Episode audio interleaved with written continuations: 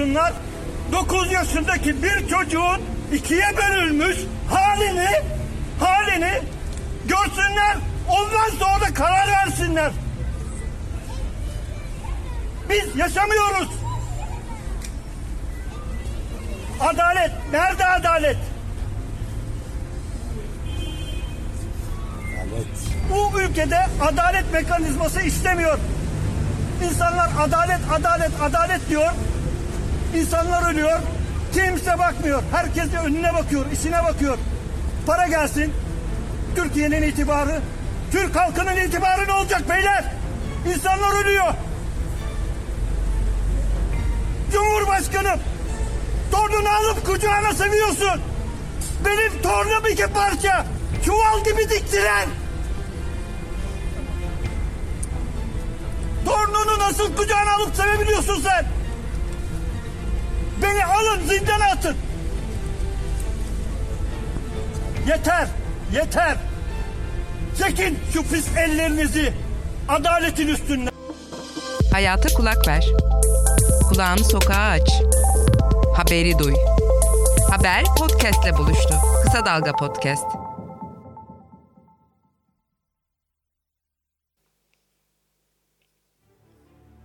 Bu isyanı hatırladınız mı? Unutanlar ya da hiç dinlememişler için biz hatırlatalım. 8 Temmuz 2018'deki Çorlu tren katliamında can veren 9 yaşındaki Oğuz Arda Selin dedesi Mehmet Öz'ün bağırışıydı bu. 9 Aralık 2019'daki mahkeme çıkışındaydı. Dinlenmesinin bile acı verdiğini biliyoruz ama siz dinlemezseniz zaten devletin ve yargının gözünü tamamen kapadığı bu insanlar kime anlatacaklar dertlerini? 4 Mart'ta Ankara'da yargılandıkları mahkeme öncesinde Mehmet Bey bize Oğuz Arda'nın trene binerken giydiği ve fotoğraf çektirdiği Simpsons'ta tişörtün kaza sonrası halini gösteriyor. Zaten tüm ailelerin cep telefonlarında kalmış gidenlerin resmi. Resme bakıyoruz tişört paramparça. Tişört böyle olduysa diyor barın gerisini siz düşünün. Evet hikaye ağır. Ağır olsa da Oğuz Arda Sel'in annesi Mısra Öz'le devam edelim.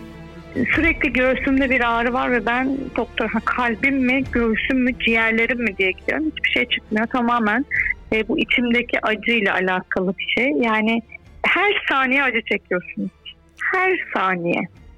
Yani televizyonda bir tane çocuk reklamlarda anneanne diye sesleniyor. Sesini duyuyorsunuz. Yolda yürürken bir tane çocuk anne diye sesleniyor.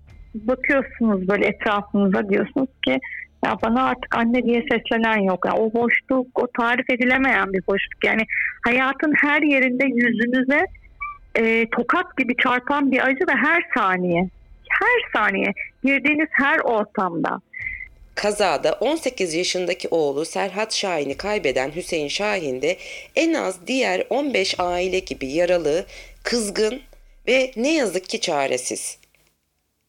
8 Temmuz'da maalesef yapamadıkları düzgün yollardan dolayı bugüne kadar bindiğimiz o trende hiçbir kaza olmamıştı ama o hükümetimizin yaptırdığı yandaşlara yaptırdığı kötü yoldan dolayı 18 yaşında evladımı kaybettim.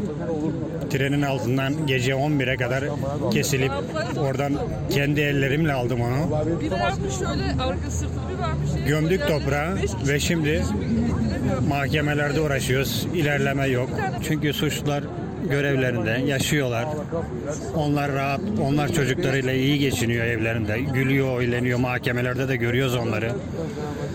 Bizler en güzel canlarımızı verdik toprağa. En güzel canlarını 8 Temmuz'daki Çorlu tren katliamında toprağa verdiler. Evet, 7'si çocuk 25 kişiyi. Şimdi neredeyse bir buçuk senedir mahkemelerde adalet arayışındalar. Uzun, zorlu bir arayış bu. Bir önceki podcast'imiz Çorlu tren katliamı, benim ölümüm, benim düğünümde kazadaki ihmalleri, ölenlerin anılarını, geride kalanların mücadelelerini ve acılarını anlatmıştık. Dönüp dinlemenizi tavsiye ederiz. Çünkü 25 ölünün ardından geriye kalanlar ve tabii ki yaralı kurtulan yaklaşık 320 kişi bu katliamın yargının uzun koridorlarında yok olup gitmesini istemiyorlar. Seslerine ses verilsin istiyorlar aksine. Çünkü bu bölümde de anlatacağımız gibi mahkeme süreci tam bir yılan hikayesine dönüşmüş durumda. Usulsüzlükler deseniz gırla. Bir türlü yürümeyen bir dava bu. Sanki zamana yayarak unutturulmak isteniyor. Anlatıyoruz. Ben Kısa Dalga'dan Nazan Özcan. Bizi Kısa Dalga Net ve podcast platformlarından dinleyebilirsiniz. Ama önce ölmeseydi şu anda tıp okuyor ve doktorluk hayalleri kuruyor olacak Serhat Şahin'in babası Hüseyin Şahin'e kulak verelim. Verelim ki neden adalet diye bu kadar ısrarlı oldukları çok daha net anlaşılsın. Son liseyi bitirdiğinde arkadaşlarının ayrılırken notlar yazmış kendisi. Yani görüşemezsek üniversiteden sonra hakkınızı helal edin gibi cümleleri var bazı arkadaşlarına gönderdiği. Onları okudukça içimiz evde cız ediyor. Yani oğlumu tarif edemem. Benim için çok iyi biriydi. Yani keşke biz ölseydik o kalsaydı. Ya da sakat kalsaydı yanımızda olsaydı diye hep şimdi ağlarla evimizde üzülüyoruz. Çok zor bir ablam. Tarifini hiç anlatamıyorum. Geçen akşam hanımla yalnız kaldı. Kız bir arkadaşlarına gitti. Yani o bir odada ben bir odada. Yani evi terk etsen onun anıları var. Zor yani bizim için yani o öldü ama biz de ölmüş gibi kaldık bu dünyada. Ben öyle tarif ederim kendimi. Hanımım gene benden kötü. Şimdi dava sürecine bakalım. Uzadıkça uzayan ve 25 ölünün ailesine bir tür zulme dönüşen o davaya. Davanın ilk duruşması 3 Temmuz'daydı. Yani kazadan neredeyse bir yıl sonra Çorlu'da yapıldı. Fakat ilk duruşmadaki olaylar sonrakilerin birer ipucu gibiydi. Mısra Öz anlatıyor. Ee, ilk duruşmanın yapıldığı salona biz sığamadık. Ee, ve duruşma salonunu e, üzerimize kilitlediler. Yani kapıyı üzerimize kilitlediler. Haliyle de e, dışarıda e, kalan arkadaşlarımız oldu. Mesela İsmail Kartal dışarıda kaldı. Hüseyin abi dışarıda kaldı. Ee, söz konusu böyle olunca tabii biz içerideyiz. Onlar dışarıda. Ee, itiraz ettik. Haliyle dışarıda duruşmaya girmek isteyen İsmail Kartal'ın işte kapıyı vurması, vurması ve kapının açılmasını sağlaması. İçeride e, İsmail'in kız kardeşi olan e, Esra vardı. Esra baygınlık geçirdi abisi salona alınmayınca. E, bu tür tatsız olaylar yaşandı. E, bir şekilde o kapı açıldı. Daha doğrusu kapı e, içeriden bizim işte müdahalelerimiz dışarıdan e, dışarıda kalan ailelerin müdahalesiyle kapı kırılarak açıldı. E, ve mahkeme heyeti e, duruşmadan çekileceğini söyleyerek o duruşmayı kapa sonlandırdı.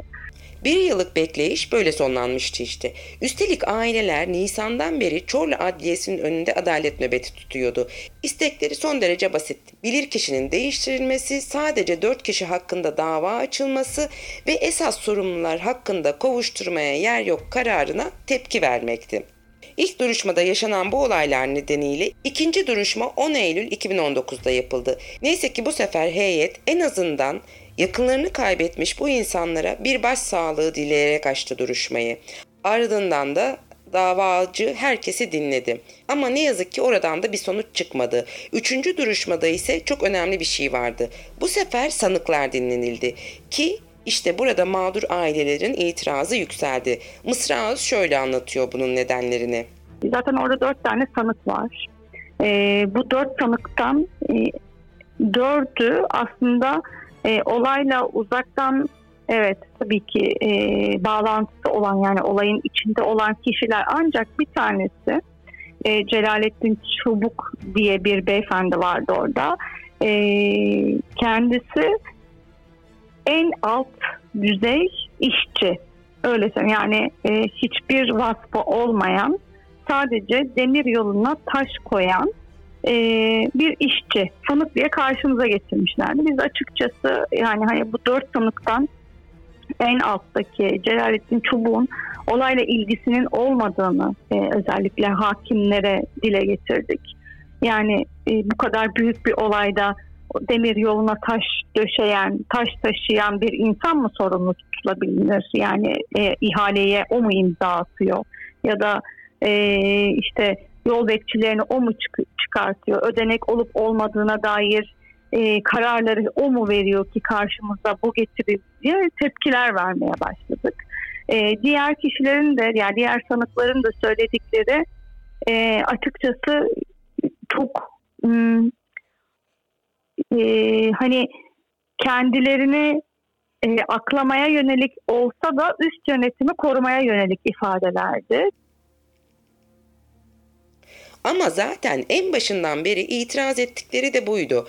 Onlar ne kadar aşağıdan yukarıya her kim sorumluysa bu olaydan o yargılansın derken devlet ya da hükümet bir türlü izin vermiyordu. Söz Mısra Öz'de. İddianame şöyle çıktı bizim karşımıza. Ee, işte Devlet Demiryolları üst yönetimi siyasiler ve bürokratlar kovuşturmaya dahil değildir diye çıktı. Ee, fakat şöyle bir durum var ki yani o kadar geniş bir kapsam vermişler ki e, kişi ismi yok. Yani e, Devlet Demiryolları üst yönetimi derken e, bu kişilerin amirleri de yöneticileri de aynı zamanda o, üst yönetime girdiği için e, onlar da o zaman yargılanamayacak ve baktığımızda bu iş işçilerin üzerine atılacak gibi bir iddianame zaten karşımızda. Yani bizim itiraz ettiğimiz noktalar buydu. Kimi siz burada kimi ayırıyorsunuz diye çok fazla e, bunu dile getirdik adalet nöbet, nöbetlerimizde ve avukatlarımızın içeriye verdiği itiraz dilekçelerinde. E, bu tepkilerimiz sonrasında 3. mahkeme sırasında yanlış hatırlamıyorsam bir dosya e, daha doğrusu dava dosyası ayrıldı. E, teprik dosyası diye çıktı ayrılan dosya. E, o teprik dosyasının içinde de şöyle bir ayrım oldu. Gene aslında orada da isim belirtmediler ama dediler ki birinci bölge müdürlüğü. Şimdi bu durumda şöyle bir manzara çıkıyor karşımıza. Aslında bizim asıl yürüyen mahkememizde e, bu dört kişi yargılanacak. Hı. E, bu dört kişiyi yargılamaya yönelik bir e, durum söz konusu. Artık buraya bir ekleme, çıkarma vesaire gibi bir durum söz konusu olmayacak. Ama tefrik dosyası yani ayrılan dosya bizim için çok önemli. Çünkü orada birinci bölge müdürlüğü de, denildiği zaman birinci bölge müdürlüğünün içinde bu arada kimleri kapsıyor, neyi kapsıyor hala bilmiyoruz. Ama birinci bölge müdürlüğü içerisinde bir araştırma söz konusu. Ee, ve buradan e, yöneticiler aslında ortaya çıkacak. O yüzden de e, bizim için önemli bir dosya. Biz bu dosyaya daha çok odaklanıyoruz. Haber podcastle buluştu. Kısa Dalga yayında. Bizi Kısa Dalga Net ve podcast platformlarından dinleyebilirsiniz. Başka bir deyişle söyleyebiliriz. Sorumluluktan, bürokrat, yetkili ya da siyasi kaçırmaydı resmen bu. Tabi bununla da bitmiyordu. Çorlu tren katliamı davasında bir de bilirkişi usulsüzlüğü vardı ki gerçekten çok fazla söze gerek bırakmıyor. İşte aileler o yüzden o nöbetleri tuttular. Anayasa Mahkemesi'ne kişisel başvuru yaptılar. Seslerini duyurmak için her yöntemi denediler polis şiddetine bile maruz kaldılar. Şimdi Mısra Öz anlatsın davalarına bilirkişi diye atananları. Mustafa Karaşahin ve Bekir Sıddık Binboğa Yarman ee, bizim üzerinde durduğumuz bu iki isim ama aslında biz bilirkişi daire başkanlığına bu beş kişiyi de e, şikayette bulunduk. Bu iki kişiden e, Bekir Sıddık Binboğa Yarman şöyle söyleyeyim e, Savronik isimli bir e, firmanın e, yönetim kurulu or, e, yönetim kurulunda görevli. Aslında firma kendisine ait bir firma. E, yönetim kurulu üyelerinden bir tanesi.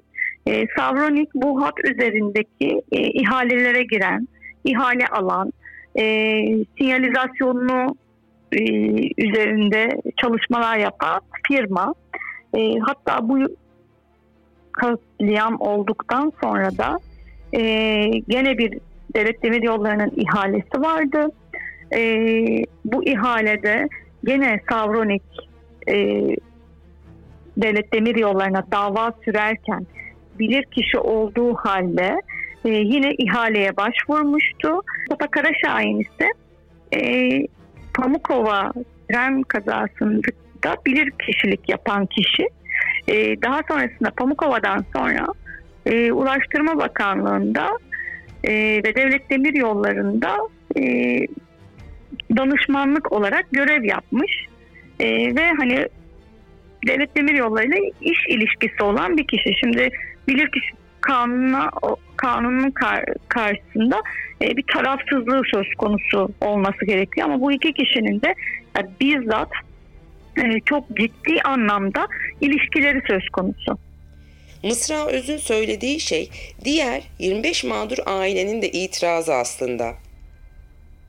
E, bu iki kişi onlara gelen telefonda e, ne yazık ki emir kulu olarak olay yerine geliyorlar. Yani ben bu görevi yapamam, e, sizinle işbirliğim var diye bir reddetme gibi bir durum söz konusu olamıyor.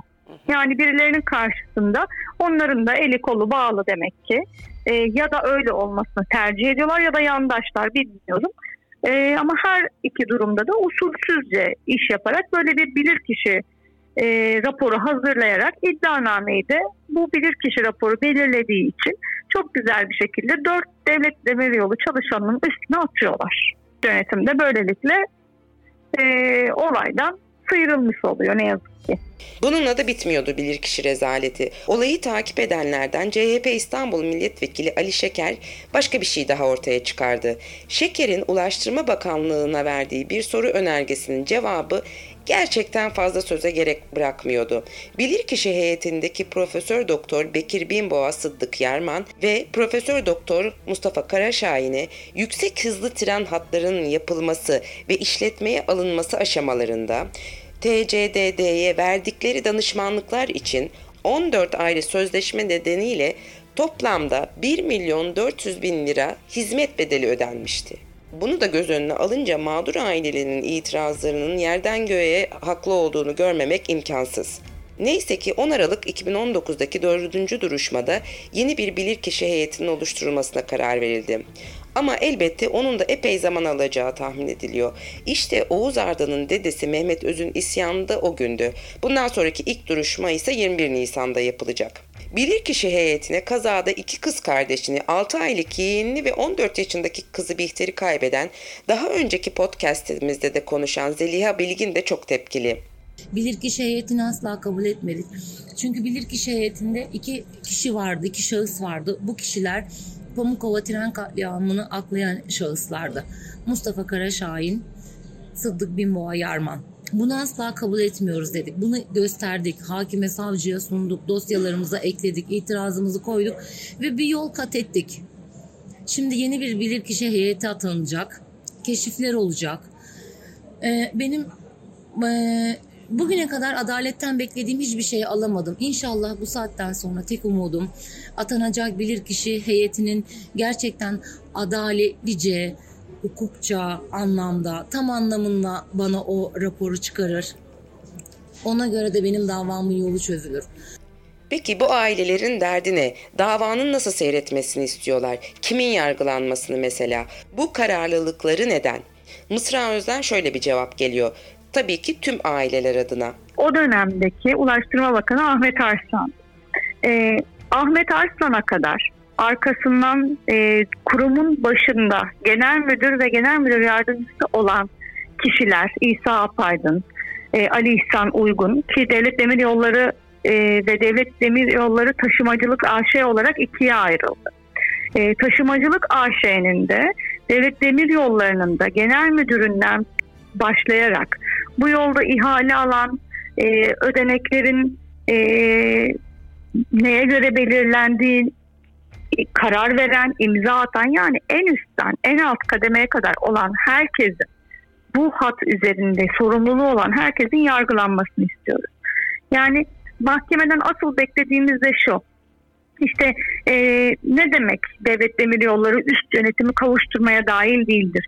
Eğer bu kişiler gerçekten suçsuzsa hukuk karşısında hakimlerin ve bizlerin karşısında çıksınlar, kendilerini savunsunlar. Biz bu insanları göremiyoruz. Biz bu insanların e, neler yaptığını e, ya da mahkeme heyetinin ya da avukatlarımızın soracağı sorulara nasıl cevap vereceğini bilmiyoruz. Çünkü bu insanlarla bizim aramızda mahkeme giriyor ve diyor ki onların zaten duruşmaya gelmesine gerek yok deyip kenara atıyor. Hayır, e, bu kurumun başındaki en üst kişiden başlanmalı. Ancak o zaman ve böyle yapılırsa gerçekten ihmali olanların ortaya çıkarılabileceğini düşünüyorlar.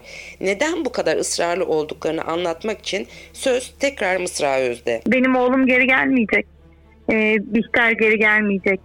Mavi Nur geri gelmeyecek. Hiç hiçbiri geri gelmeyecek. E, fakat şöyle bir şey var ki e, biraz önce de söylediğim gibi Pamukova'da eğer e, gerçekten sorumlular yargılansaydı belki de e, bazı şeyler daha dikkatle ve özenle yapılacak. Çünkü özenle yapılmıyor, dikkatle yapılmıyor, ihmal var, kontroller, denetimler fazlasıyla eksik.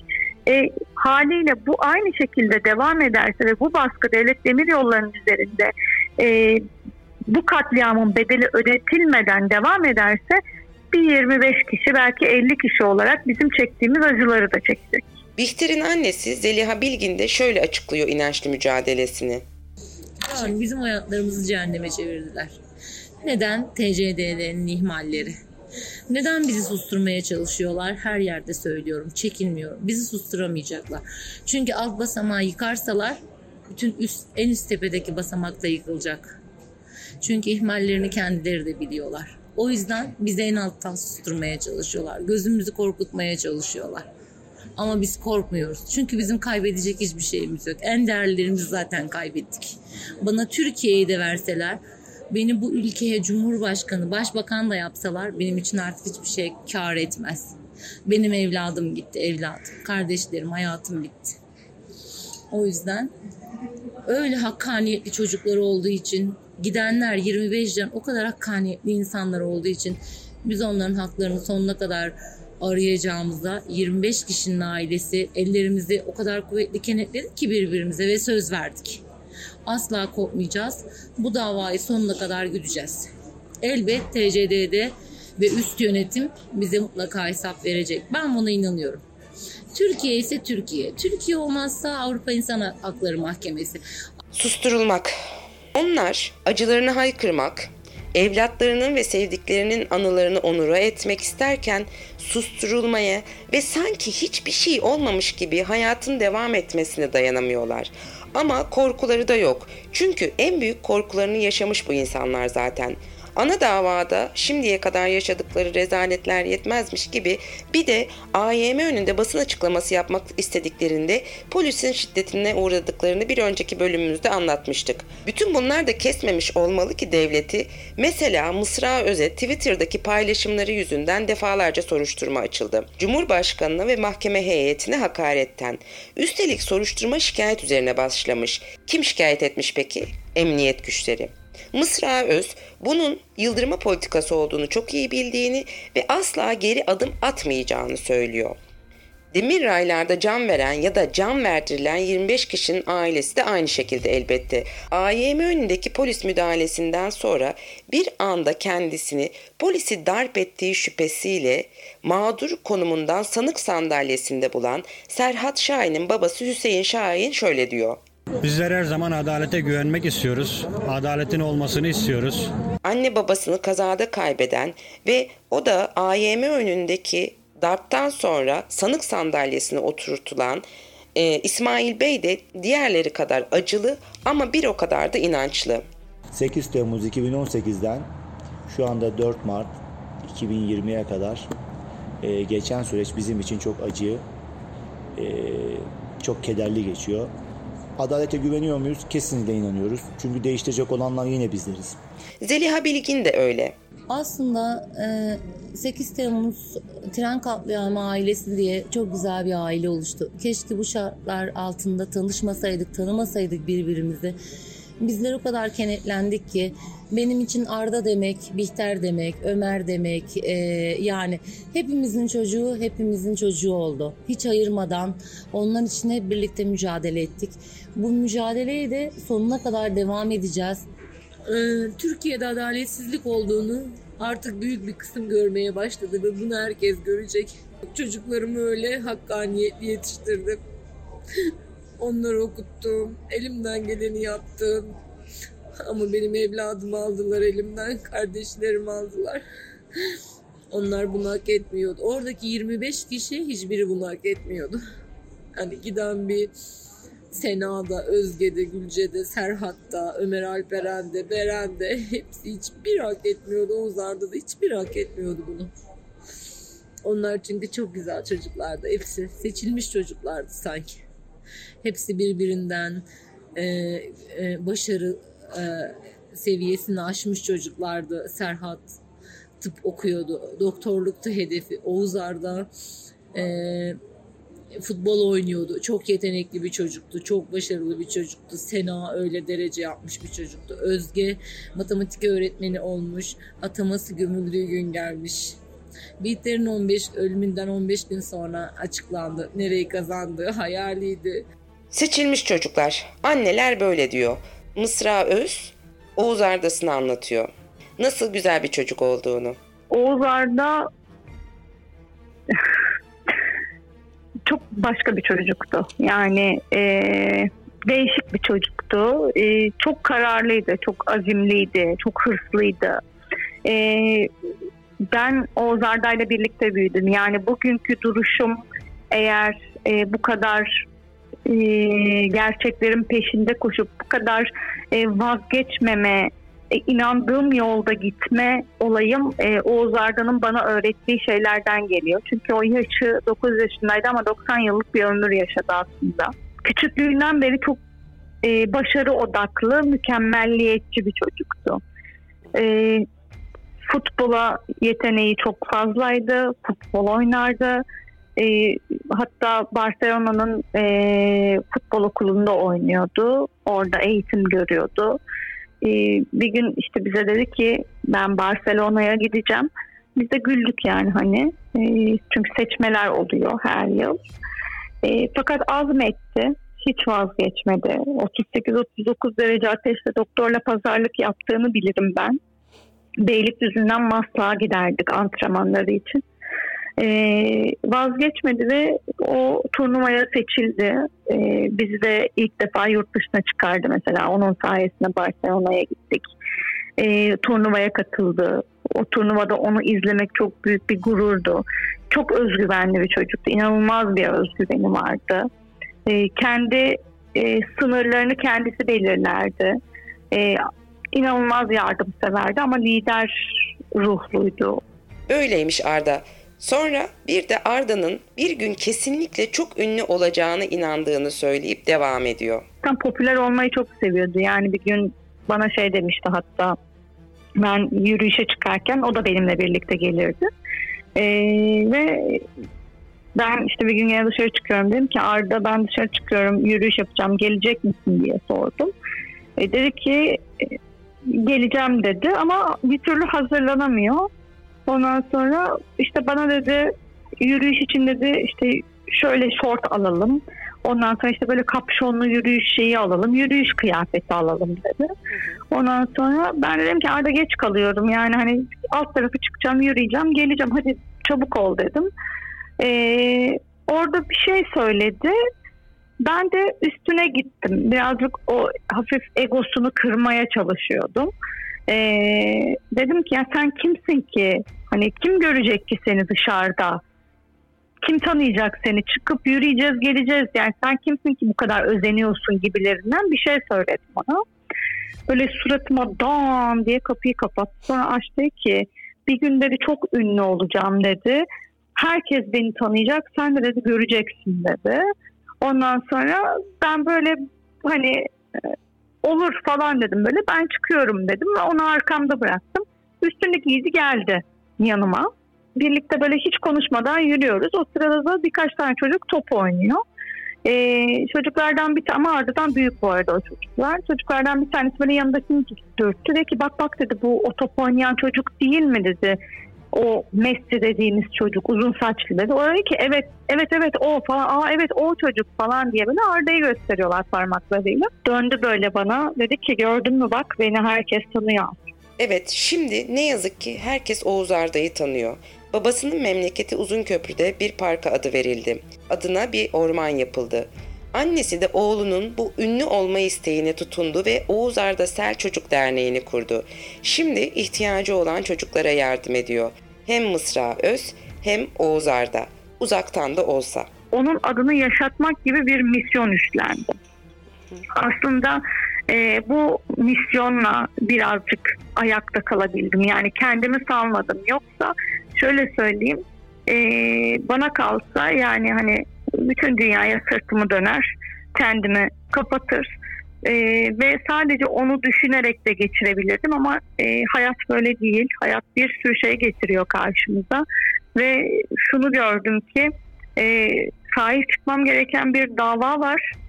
E, bu hem ona olan borcum ve hem başka insanlar bu acıyı yaşamasın diye bu baş, bu çok ciddi, ciddi üzerime aldığım bir misyon. Diğeri ise e, oğlum yapamadıysa bana bir görev bıraktı. E, onun adını yaşatacağım diye ve bununla birlikte işte dediğim gibi e, onun adına bir hatıra ormanı oluşturduk biz. E, şeyde